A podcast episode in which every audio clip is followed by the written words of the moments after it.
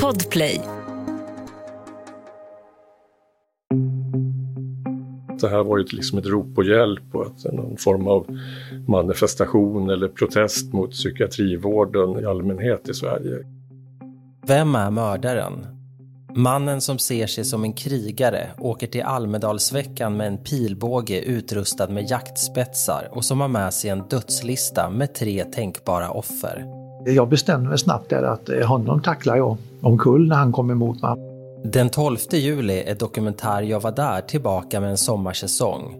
Där gör vi en djupdykning i två historier med tre avsnitt vardera.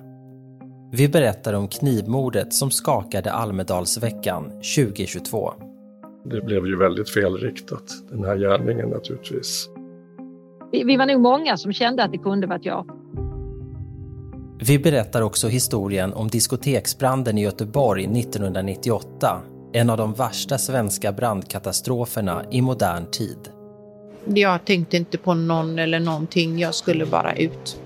Inte ens syrran var i mina tankar ens då. Det var vad jag, jag kommer dö om inte jag kommer ut. Det visar sig att branden, där 63 ungdomar omkommer och drygt 200 skadas, är anlagd. Ett av offren är dessutom bekant med gärningsmannen och drömmer om att hämnas. Och en dag får han chansen. Han bara skrik inte bara, skrik inte. Snälla, snälla kan vi gå någonstans och prata? Jag bara, nej jag tycker inte gå någonstans och prata. Jag borde döda dig här. Dokumentär Jag var där är en podd av Lisa Wallström och mig, Andreas Utterström, med premiär den 12 juli. Nytt avsnitt varje onsdag. Om du inte lyssnar i Podplay-appen. Där kan du lyssna på alla sex avsnitt direkt.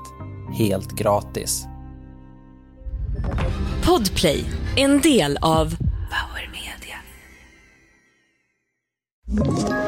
Ett poddtips från Podplay.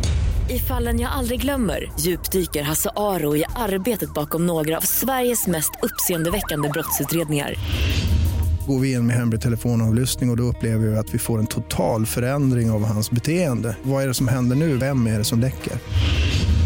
Och så säger han att jag är kriminell, jag har varit kriminell i hela mitt liv men att mörda ett barn, där går min gräns. Nya säsongen av Fallen jag aldrig glömmer på Podplay.